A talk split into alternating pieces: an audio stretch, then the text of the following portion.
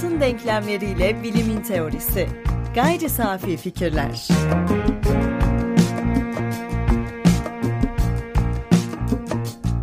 Gayri Safi Fikirlerin 3. sezonunun ilk bölümünden yani 68. bölümünden merhaba. Herkese merhaba. Ben Tansever Erdem Yılmaz. Ben Ömer Faikanlı. Bugün Ankara Tunalı İlmi Caddesi'nde Cafe Lab'dayız. Dış mekandayız. E, kahve içerken sezonun ilk bölümünü başlatalım istedik. Hatta siz de bize katılırsanız bizi çok mutlu eder. E, bizim için aslında tatil sona erdi ve kısa bir aranın ardından yaklaşık 1-1,5 aylık bir aranın ardından yepyeni ve bizleri heyecanlandıran konularla bu sezon sizlere anlatacağımız çok şey var. E, sizden yaz boyu gelen konu istekleri de vardı. Onları da ajandamıza aldık. E, bu yaz ismi kişisel gelişim kitabı gibi tınlasa da bazı ciddi felsefi tartışmalara da ilgi çekici göndermeler yapmasıyla her ilgimi çeken Harari'nin 21. yüzyıl için 21 ders kitabıyla bolca vakit geçirdim ve aslında Harari'yi okurken aklıma takılan ve geçmişten bugüne de benzer biçimde tartışılan bazı sorular var. Onlardan bir tanesi var. Benim dikkatimi çeken onu tartışalım istiyorum. E, Harari'ye göre ve aslında insanların bugünle baktığımızda çoğu kişiye göre Homo sapiens yani insanların bugünkü hali diğer türlerin üstünde konumlanıyor. Fakat bu üstünlük belki de şaşıracaksınız ama bizim aklımız, düşünme becerimiz değil. Yani o da bir parçası ama en büyük sebebi bu değil. Bu olmadığını savunuyor Harari ve ben de okuduktan sonra buna e, bir nebze katıldım. E, daha derinlere inmeden önce sence bizi diğer canlılardan, diğer e, sapiens türlerinden yahut diğer tüm canlılardan ayıran farklı kılan özelliğimiz ne? Ee, hemen şöyle bir Harari'den bahsedelim. Harari'nin başarısı belki de bilimsel bilgiyi hem de pek çok bilim dalını kapsayan bir kümelenmiş bilgileri çok popüler bir dilde, belki konuşma diline yakın bir dilde ifade edebilmesi ve böylece popülerleştirebilmesi. E, burada da tabii üç kitaptan bahsediyoruz. Homo sapiens, Homo deus ve 21. yüzyıl için 21 ders. Bu sonuncusu. Dediğin gibi böyle ilk algıda tuhaf bir şekilde kişisel gelişim gibi görünse de aslında antropoloji, biyoloji ve felsefenin ve tabii ki buna eklenmenebilecek siyaset bilimi ve sosyolojinin bir karışımı, bir e, sentezi gibi görünüyor. Şimdi orada hemen ufak bir ben müdahale yapmak istiyorum. E, Harari'nin de söylediği şey aslında yani sözcük seçimi doğru değil demin kullandığım. Homo sapiens'in şu anda üstün olması değil, mevcut durumda baskın ve yaygın olması diğer türler içerisinde. Ama önemli bir şey tabii ki soru şu, neden? Yani bu fark nasıl oluştu? Her zaman söylerim e, aynılık tanım üzerinde çok önemlidir. Yani bir şey tanımlarken onu bir tür olarak tek tek örnekleri aynılaştıran özelliği bulmaya çalışırız. İşte eskiden buna onun özü dendi, buna bir tanım dendi ama tanıma içkin olan şey aynı anda bir farktır. Yani bizi insan yapan şey nedir sorusu veya bizi homo sapiens yapan şey nedir sorusu senle beni ve dinleyicilerimizi hep bütün dinleyicilerimizin sapiens olduğunu varsayıyorum. aynılaştıran şeyle beraber elbette bizi diğer türlerden yani sapiens değil dediklerimizden farklılaştıranın ne olduğu. Burada da evet Harari akıl olmadığını söylerken o Aristoteles'in ünlü ayrımında insan tabii ki sapiens, e, Aristoteles bu terimi kullanmayacaktır ama sapiens düşünen hayvandır e, tanımından farklı olarak veya akıllı hayvandırdan farklı olarak aklımızın bir çıktısından veya aklımızın mevcut akıl yapımızın, fizyolojik beyin yapımızın, nöronal yapımızın ortaya çıkardığı bir şeyden bahsediyor. Bu da örgütlenebilmemiz. Yani dil üzerinden belki daha önceki programlarımızdan sohbetlerimizi hatırlayacaklar. Ian Hacking'den sıklıkla bu alıntıyı yapmıştık dil bir şeye gerçektir denmesiyle başlar. Onu temsil eden bir yapıdır dil. İşte bu dil aynı zamanda o temsillerle üzerinde anlaşabileceğimiz hikayeler, şimdi tırnak içinde kullanalım, yaratmamızı sağlıyor. Bu da diğer hayvan türlerinde olmadığı kadar çok e, bireyi tek bir ülkü, tek bir amaç çevresinde örgütleyebilmeyi sağlıyor. Yani biz bu hikayelere kabaca inanıyor ve onun çevresinde örgütlenerek e, iş bölümü içerisinde organize olabiliyoruz. Evet bizi ayıran şey Harari için bu. Aklın bir çıktısı, mevcut akıl sistemimizin, mevcut nöronal yapımızın bir çıktısı. Ama bu çıktı bizi farklılaştırıyor. Tek başına akıl değil. Harari e, büyük gruplar halinde düşünebilmemizin yani toplu düşünebilmemizin bizi farklı kıldığını söylüyor. Aslında ben e, bizi farklı kılanın bilinçli zarar verebilimi olduğunu düşünüyorum içten içe. Ama çok böyle olacak o kadarın e, yeni bölümüymüş gibi görünmemesi adına Harari'den devam edeceğim. E, o büyük gruplar halinde düşünebilmemizden bahsediyor ama e, aslında bu düşünce yani e, 100 kişinin bir anda bir bilgiye sahip olması düşünüldüğünde grup halinde düşünmenin hem götürüsü hem de getirisi var. yani e, insanlığın e, Homo sapiens'in diğer türleri olan üstünlüğünün ya da baskınlığının diyelim e, senin düzelttiğin tabirle bizim için olumlu yanlarından ziyade olumsuz yanlarından bahsediyor. Aslında ikisi de e, ortak baskınlıkta ama şöyle özetleyebiliriz. E, grup halinde düşünmenin bir götürüsü ve aslında belki de en büyük götürüsü bazılarının düşünmemesi. Yani 100 kişilik bir grupta e, bir mühendis, bir doktor, bir tane iyi kahve yapan kişi ve diğer 97 kişiden e, oluşuyorsa bu 100 kişilik grup insanlar hasta olduklarında doktora gidiyorlar. Kahve istediklerinde kahveden anlayan kişiye e, bir yer inşa edileceği zaman, bir bina yapılacağı zaman, doktor için hastane yapılacağı zaman mühendise gidiyorlar vesaire vesaire. Bu 97 kişi de kendi alanında özelleşmiş olabilir. Kısmı, kısmi olarak bazı şeyleri bilseler de örneğin e, mideleri hassaslaştığında gidip talsit almaları gerektiğini biliyorlar fakat bunun neden olduğunu bilmeyebiliyorlar. Şimdi bu grubu Ankara'ya, İstanbul'a tahvil edelim. Yani milyonluk şehirlere, hatta milyarlık ülkelere tahvil ettiğimizde milyonlarca kişi içerisinde belli bilgilere sahip sayılı insan var ve diğerleri bu bilgilere sahip olmadan da o bilgilerin bilgilerden faydalanabiliyor. Yani çok şey bildiğimizi düşünsek de burada bir bilgi yanılsaması ortaya çıkıyor. Biz bildiğimizi düşünüyoruz fakat e, bunların hemen hemen hiçbirini bilmeyebiliyoruz. E, Harari'nin de e, odaklandığı ve benim de diğer kaynaklardan ilginç bir şekilde karşıma çıkan belli örnekler var. O e, Steven Soman ve Philip Fernbach'ın yaptığı bir araştırmadan bahsediyor. E, bu iki araştırmacı insanlara onların kesin olarak bildiğini düşündükleri bir şey anlatmalarını istiyorlar. Burada örnek fermuar. İnsanlara gidip diyorlar ki fermuarın ne olduğunu biliyor musun? İnsanlar da tabii, e, tabii ki biliyorum, herhalde biliyorum, senden iyi biliyorum falan diye son kısımda iddiayı ben koydum. E, anlat bakalım diyorlar. İnsanlar bir büyük bir kısmı e, işte kıyafetlerimizin önünü kapatmaya yarıyor seviyesinde kalıyor.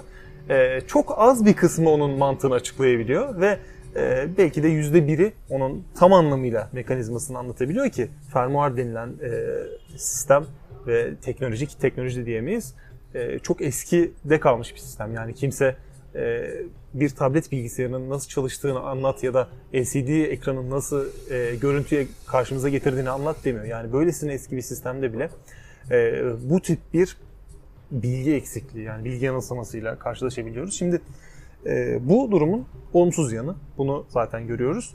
İnsanlar bildiklerini sandığı şeyleri bilmiyor tamam. Ama ilginç bir şekilde bunun olumlu bir yanı da var. Bu da ee, insanların buna ihtiyacı yok. Yani fermuar nasıl işliyor, LCD ekran görüntüyü nasıl getiriyor, ampuller nasıl çalışıyor vesaire vesaire. Bunları bilmesinin o kişiye getirdiği bir e, zorunluluk yok. Yani e, atalarımıza baktığımızda her şeyi bilmesi gerekiyor. Her şeyi bilmezse zaten yaşamı sonlanacak.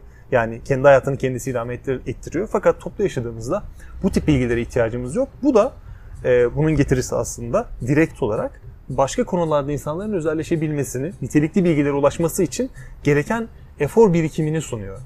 Ee, insanlar fermuarın nasıl çalıştığını bilmiyor fakat e, bilim felsefesi üzerine çalışacak vakti bulabiliyor. Çünkü e, onu fermuar üzerine çalışan birileri var, doktorluk üzerine çalışan birileri var, tıbbi bilgiler üzerine, mühendislik ve mimarlık üzerine çalışan birileri var. O halde ben de kendi alanımda çalışayım diyebiliyor. Yani bunu belki de açık olarak e, söylemiyor fakat o toplum içerisinde bulunduğu konum e, onu buraya itebiliyor. Her şeyi bilmesi gereken avcı toplayıcı atalardan farklı olarak uzmanlaşma imkanı oluşuyor. Yani bir olumsuz bir olumlu yan var. E, aslında bu ortada buluşuyor gibi. Ne dersin? Ee, olumsuz olumluyu götürür mü veya olumlu olumsuzu ortadan kaldırır mı diye sormak lazım veya insanlık tarihinde kaç yanlış bir doğruyu götürüyor. Şimdi tabii Harari'nin en çok tartışılan tezlerinden biri hem geliştirdiği hem de dillendirdiği diyelim. Çünkü bunu belki Rusçolara kadar hatta başka isimlere kadar götürmek mümkün olur. Bu tez neydi?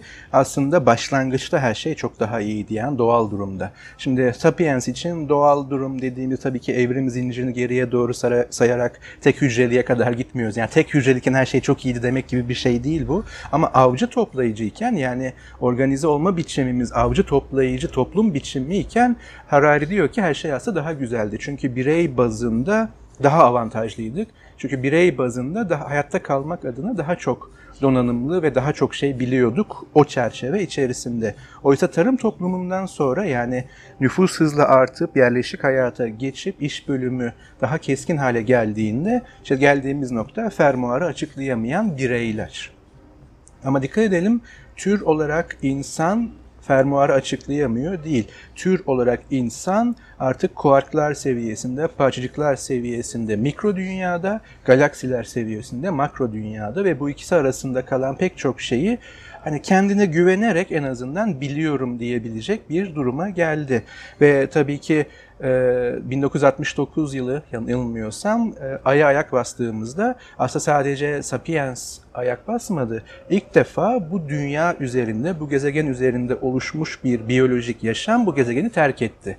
En azından bildiğimiz kadarıyla. Yani tür olarak gitgide daha çok şey biliyor ve daha donanımlı hale geliyoruz. Ama her zaman tabii ki bireylerden oluşan toplumlardan bahsediyoruz ve önce birey diyoruz. Eğer yeterince liberalsek veya en azından böyle bakıyorsak dünyaya. O halde avcı toplayıcıdan tarım toplumuna geçişte o kırılma neydi? Tabii ki doğayla kurduğumuz veya gerçeklikle kurduğumuz ilişki bilgi temelli olarak değilse de esas olarak iş bölümü değişti. İşte öyle bir toplumda herkesin fermuarcı olmasına ve hatta herkesin tarımla uğraşmasına bile gerek kalmadı ilerleyen aşamalarda ki özellikle 19. 18-19. yüzyıldan sonra sanayi devrimiyle beraber bu uzmanlaşma yani üretimde uzmanlaşma hatta bir adım sonrasında belki tüketimde uzmanlaşma, yaşam biçimlerinin değişmesi, tüketim üzerinden yaşam biçimlerinin ayrışması bile bir tür iş bölümü tabii tırnak içinde ve zorlayarak. Ama burada hemen ben sana şöyle bir şey soracağım. Burada bilgiden bahsettin, bilgi üzerinde durdun, bir şeyi bilmek, herkes bilmiyor dedin. Peki eğitim dediğimiz şey böyle bir toplumda nereye oturuyor? Mesela neyi öğretmeli? Bizim dilimizde de, yabancı dillerde de bir politika olarak da toplumsal örgütlenmenin bir parçası olarak da temel eğitimden bahsederiz. Adı değişebilir. Biz buna ilkokul diyorduk benim zamanımda. Şimdi temel eğitim neyi kapsamalı? Bak adı üstünde temel eğitim. Yani birey olarak sen bu dünyada temel olarak ne bilmelisin? Şöyle bir ipucu vereyim. Mesela e, ilkokul deyince ilk öğretilen şey neydi veya nedir halen? Okuma yazmadır. Peki okuma yazmayı niye önceliyoruz? Çünkü biraz önce Harari'nin aslında söylediği tezde olduğu gibi biz ortak olarak organize olabilmek için e, beraber düşünebilmeyi ki bunun üzerine duracağız düşünmek nedir diye ve temsillerden bahsetmiştik. Bunlar üzerine durmuştuk. Bunun için sembolleri okuyabilmemiz, sembollerin anlamını kavrayabilmemiz gerekiyor. Yani demin verdiğin örnekle tabii ki bir tıp hekimine danışmadan, en azından bir eczacıya danışmadan yine de mideleri ağrıdığında talsit almasınlar ama talsiti okuyabilmek gerekiyor veya bir yerde bu bilgiyi okuyabilmek gerekiyor. Sözlü aktarımın ötesinde. Hatta pek çok şeyi okuyabilmek gerekiyor. Yani temel eğitimdeki okuma yazma aslında hayata hazır olman için en önemli şeydi ve uzun yıllar bu ülkede ve başka ülkede de okur yazarlık oranı ki halen öyledir belki de önemli bir parametredir. Neden mesela okur yazarlık oranımız 195'i buldu deyince övünüyoruz. Ya da e, o dönemlerde işte şu coğrafyada okuma yazma oranı %10'dur diyerek orayı yeriyoruz. Çünkü okuma yazma ortak düşünebilmenin bir şey üzerinde ortak üretim yapabilmenin ve belki de en çok bireye ulaşacak şekilde bilgiyi yayabilmenin temel koşulu. O yüzden temel eğitimin en önemli unsuruydu. Ama günümüzde okuma yazma yetmiyor. Peki temel eğitime başka neyi eklememiz gerekiyor? Hemen felsefecilerimiz ki ben de onlardan biriyim unutmayın. Ama iğne çuvaldız ikilisini her zaman severim. Hangisi tercih edilirse o artık e, tercih edine kalmış. Şunu söylüyorlar. Şu temel eğitime, hadi temel eğitim olmadı, ortaokul, liseye isimleri değişebiliyor. Felsefe dersi koysak bakın neler değişiyor. Şimdi o dersin içeriği ne olacak? Temel eğitimin yani okuma yazmanın hemen yanına koyacağımız felsefe mesela neyi değiştirebilecek? Mesela neden matematik değil, neden fen bilgisi değil? Bunu hemen şöyle bir e, soruya bağlayabilirim. Bu da çok revaçta. Düşünme eğitimi. Düşünmeyi öğretmek. Ama felsefenin en eski soru biçimi olan işlevselliği sürmekle beraber tartışmaya açık olan T.S.'in sorusu. Yani o şeyi o şey yapan nedir? Özcü olduğu için halen geçerli mi diye soruyorum bazen. Yani böyle özler var mı yoksa değişen tanımlar mı var? Ciddi bir sorudur. Ama burada hemen şunu soralım. Düşünmek nedir? Yani düşünmeyi öğreteceğiz. Düşünmeyi öğrettiğimiz bir temel eğitim tasarlayacağız ki insanlar senin dediğin gibi bireyler olarak düşünmekten kaçarak hazır cevaplara alışmasınlar iş bölümünün e, bir sonucu olarak. Hani en azından doktorunu seçebilsin. Çünkü bütün doktorlar iyi değil. Bütün mühendislerin iyi olmadığı gibi mesleki anlamda, uzmanlık anlamında, bütün felsefecilerin iyi olmadığı gibi en azından iyi felsefeciyi yani iyi ile kötüyü ayırt edebilsin bilgisi için düşünmeyi bir ön koşul sayıyoruz. Yani okuma, yazma ve düşünmek değil. Ama düşünmek nedir? Şimdi tekrar biz sapiens düşünen hayvandır'a geldik. Hepimiz düşünüyoruz dediğimiz zaman bir ayırt ediciliği yok. O zaman öğretilebilir bir şey değil. Aksine doğamızın bir parçası haline gelir. Oysa biz günümüzde bunun öğretilebilir olduğunu hatta öğretilmesi gerektiğini söylüyoruz. Sen ne dersin? Belki de yetişilen ortamla ilgili olabilir. Yani geçmişten gelen bir birikimle ilgili olabilir. Tıpkı eğitimin de yani okuma yazma bilmenin de temelde yani %100 okuma yazmaya sahip olan bir ülkede e, üretilen bilimsel bilginin yahut bilginin de %10 e, okuma yazma e, oranına sahip olan ülkeyle farkı olmayabilir. Bu biraz da e, gelenekle ilgili. Yani yaklaşık 200 yıl boyunca sizin e, dedeleriniz, neneleriniz e, bilimle uğraştıysa ve okuma yazmayı, e, araştırmayı teşvik ettiyse siz de bu ailede büyümüş olacaksınız. Yani e, öğretilebilirden ziyade sanki e, kalıtsal olmamakla beraber geleneksel olabileceğini düşünüyorum. Ve e, felsefe eğitiminin de ilkokullara koyulduğunda hiçbir işe yaramayacağını düşünüyorum. Çünkü e, bağlamından kopuk olarak yapılıyor. Yani tek başına bir değişkeni koyduğumuz zaman e, aslında hiçbir şey değiştirmeyebiliyor. Bu tıpkı şey gibi. E, zenginlerden daha fazla vergi alalım, fakirlerden daha az vergi alalım, bu işi çözelim diyenler gibi ama burada düşünülmeyen bir şey var. Siz zenginlerden daha fazla vergi alırsanız gider başka ülkeye yatırım yaparlar. Aslında hiç onlardan vergi alamaz hale gelebilirsiniz. Yani diğer değişkenleri dışarıda bıraktığımız zaman, iktisatçıların steteris paribus durumuna çok fazla inandığımız zaman diğer değişkenler sürekli devam eder durur. Ee, siz felsefe eğitimini verirsiniz fakat e, o kişi bu bilgiyi kullanabileceği bir ortam yoksa yahut ortamda bu bilgi verdiğinde ya sen ne felsefe yapıyorsun diye dalga geçildiği zaman e, yani o bilgi kıymet görmediğinde hem eğitim hayatında hem iş hayatında çok büyük bir etkisi olmayabilir. E, bahsettiğim gibi eğitimde okuma yazma oranları e, güzeldir, artması başarılıdır.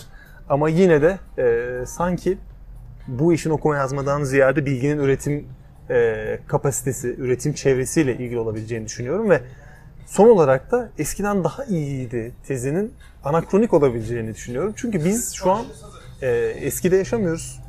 E, bugünün şartlarında yaşıyoruz. Yani 2019 Türkiye'sinde yaşıyoruz bilgisayarlarımız var, tablet bilgisayarlarımız var, sıcak suyumuz, buzdolabımız, her şeyimiz var ama eskiden daha iyiydi diyoruz ama eskiden de e, şöyle bir problem vardı. Belki güçlü olan, belki e, başarılı olan kazanıyordu ama her an ölüm riskiniz vardı. Yani yaşamınız risk altındaydı. Yani biz kendimizi sürekli geliştirebiliyorduk fakat bir anda ölüp gidebiliyorduk.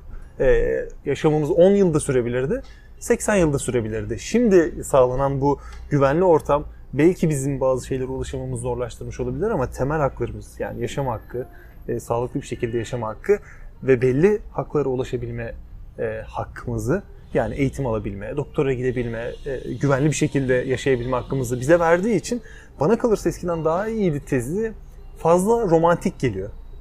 Evet ben de kişisel olarak hiçbir geçmişte kalmış hiçbir dönemin veya anın şu andan daha iyi olduğu kanaatinde değilim.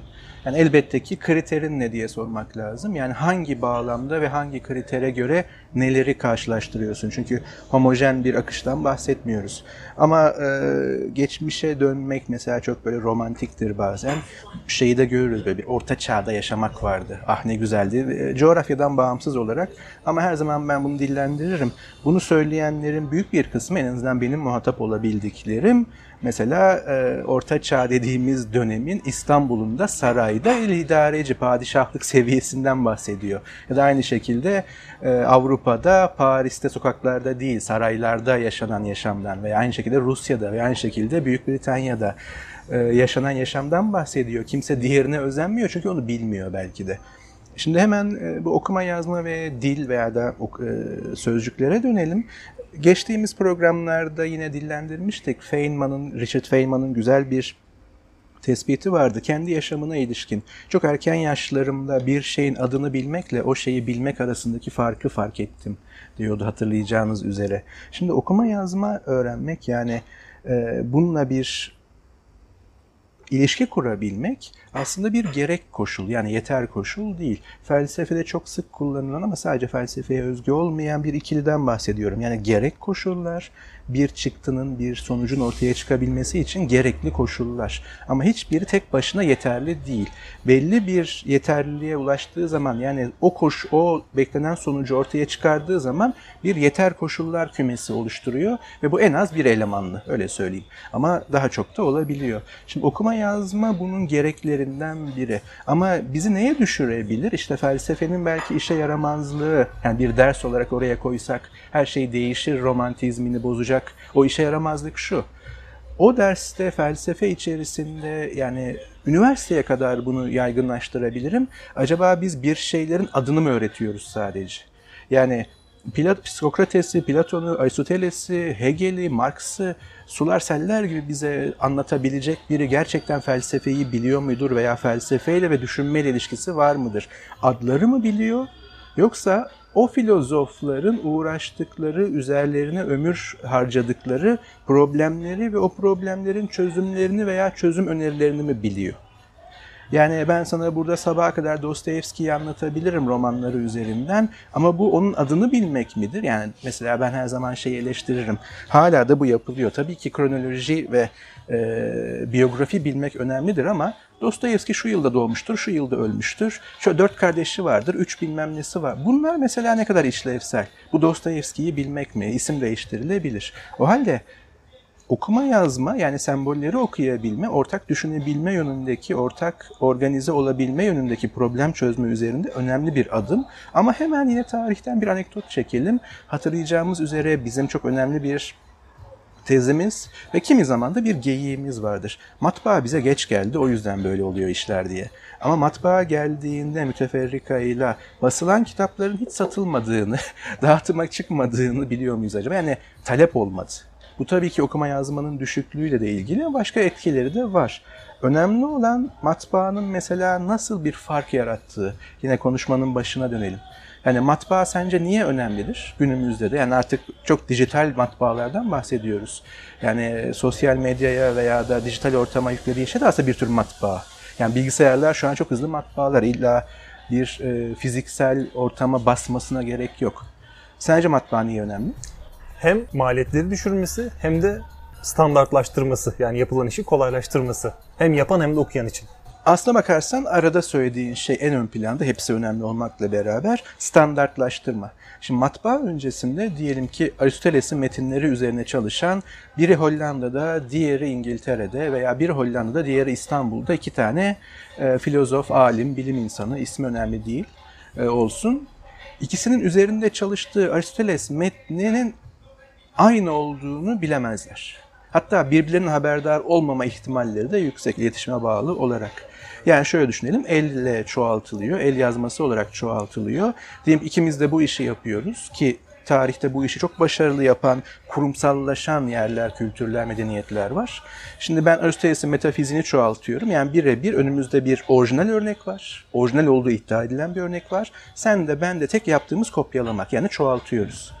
İkimizden biri bir kelimeyi yanlış okusa veya yanlış yazsa veya da bir cümleyi veya bir paragrafı ya da yazarken ya Aristoteles burada saçmalamış böyle değildir o kesin metinde bir yanlışlık var orada bunu demek istemiştir diye kendim oraya bir ekleme yapsam sonra bu e, dağılsa A Hollanda'dakine seninki gitse, İstanbul'dakine benimki gelse aynı metni okuduklarını varsayacaklar. Yani Aristoteles'le muhatap olduklarını düşünecekler. Aristoteles'in düşüncesiyle diyelim ama aslında iki farklı metinle muhatap olmuş olacaklar. Matbaa standartlaştırıyor. Yani ilk baskıda neyse ikimizin elinde de o oluyor. Böylece işte ortak organize olabiliyoruz. Birimiz düşüncesi birbiriyle çelişebiliyor. O durumda hangisi doğru hangisi yanlış diye sorabiliyoruz. Çünkü aynı şey üzerine düşünce ürettiğimiz varsayımı çok güçleniyor. Ee, bir de yani senin bahsettiğin gibi o araya, aralara girme e, eyleminin eyleminden ziyade ortada bir endüstri olmadığı için birisi büyük kağıda basar, diğeri küçük kağıda basar, birisi 200 sayfa olur, biri 100 sayfa olur. Ortada bir e, atıf sistemi de olmadığı için ben e, işte Ömer Faik yayınlarından çıkan 3. E, cildin 2015 e, sayısına göre bunu çalıştım diyemeyeceğine göre e, şurada şu yazıyordu der. İşte benim 100. sayfamda yazıyordu der. Fakat diğer kişinin e, kitabında bulunduğu kitapta 250. sayfada yazıyordur. Yani karşılıklı tartışmayı da zorlaştıran ve e, böyle çok basit e, yapısal problemler de yaratabilecek bir problem. Evet zaten işte en başa dönersek bu dil dediğimiz şeyin en geniş anlamı veya temsiller sisteminin temel felsefi veya epistemolojik problematiği şu bizi de ilgilendiren.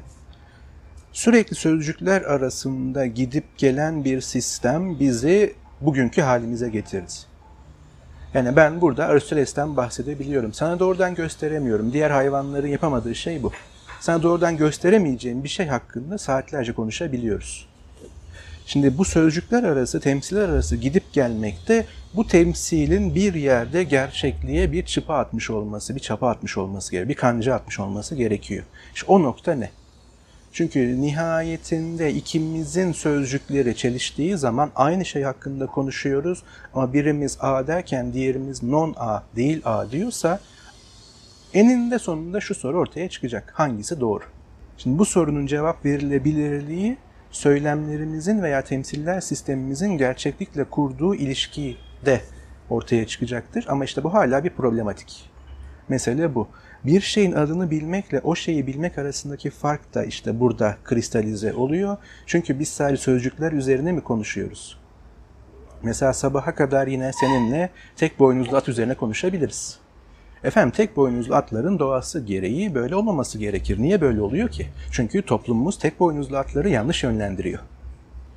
Ve bu çok ciddi ideolojik yerlere gidebilir, dini yerlere gidebilir, farklı toplumlarda bilimsel olduğu iddiasıyla bir yere gidebilir ama en sonunda birisi sorar hangisi doğru ve biriniz şu tek boynuzlu atı bana bir göstersin ki ben de göreyim, ben de inceleyebileyim. İşte o zaman organize olmamız bir anlam ifade edecektir. Çünkü bizi bu hale getiren ve bizi organize bir şekilde problem çözebilir hale getiren aynı yeti organize olarak yalanlara inanabileceğimiz bir ortam da yaratıyor. Yani bir şey püripak değil o anlamda. Yani organize olarak yalanlara da inanabiliyoruz. Ama aynı soru tekrar geliyor. Doğru nedir, yalan nedir? Hakikat nedir, yalan nedir? Ayrıca bildiğimiz, inandığımız şeyler var fakat adını bilmek, kendisini bilmek bir de bildiğimiz şeyin ortak olup olmadığı tartışması var. Yani anlam tartışması ki bu e, bilgi yanılsaması yahut bilgiye sahip olmanın diğer büyük ayağı istersen onu bir sonraki programda tartışalım. Kesinlikle ama son söz şunu söyleyeyim bana ait değil. Geçen gün yani geçtiğimiz günler Twitter'da gördüm. Kaynağında bir sonraki programa veya bu programın bir yerlerine koyarız. Düşündüğünüz her şeye inanmayın. Bizi YouTube'da da takip edebilirsiniz. Twitter'da da Gayri Safi Fikirler adıyla takip edebilirsiniz. iTunes'dan Ekşi Sözlük'ten eleştirebilirsiniz, övebilirsiniz, yorumlayabilirsiniz ve bugüne kadar gelen yorumlar için teşekkür ediyoruz. Merak ettiğiniz sorular için gayri safi fikirlere gmail.com üzerinden bizlere ulaşabilirsiniz. Dinlediğiniz için teşekkürler. Görüşmek üzere. Görüşmek üzere.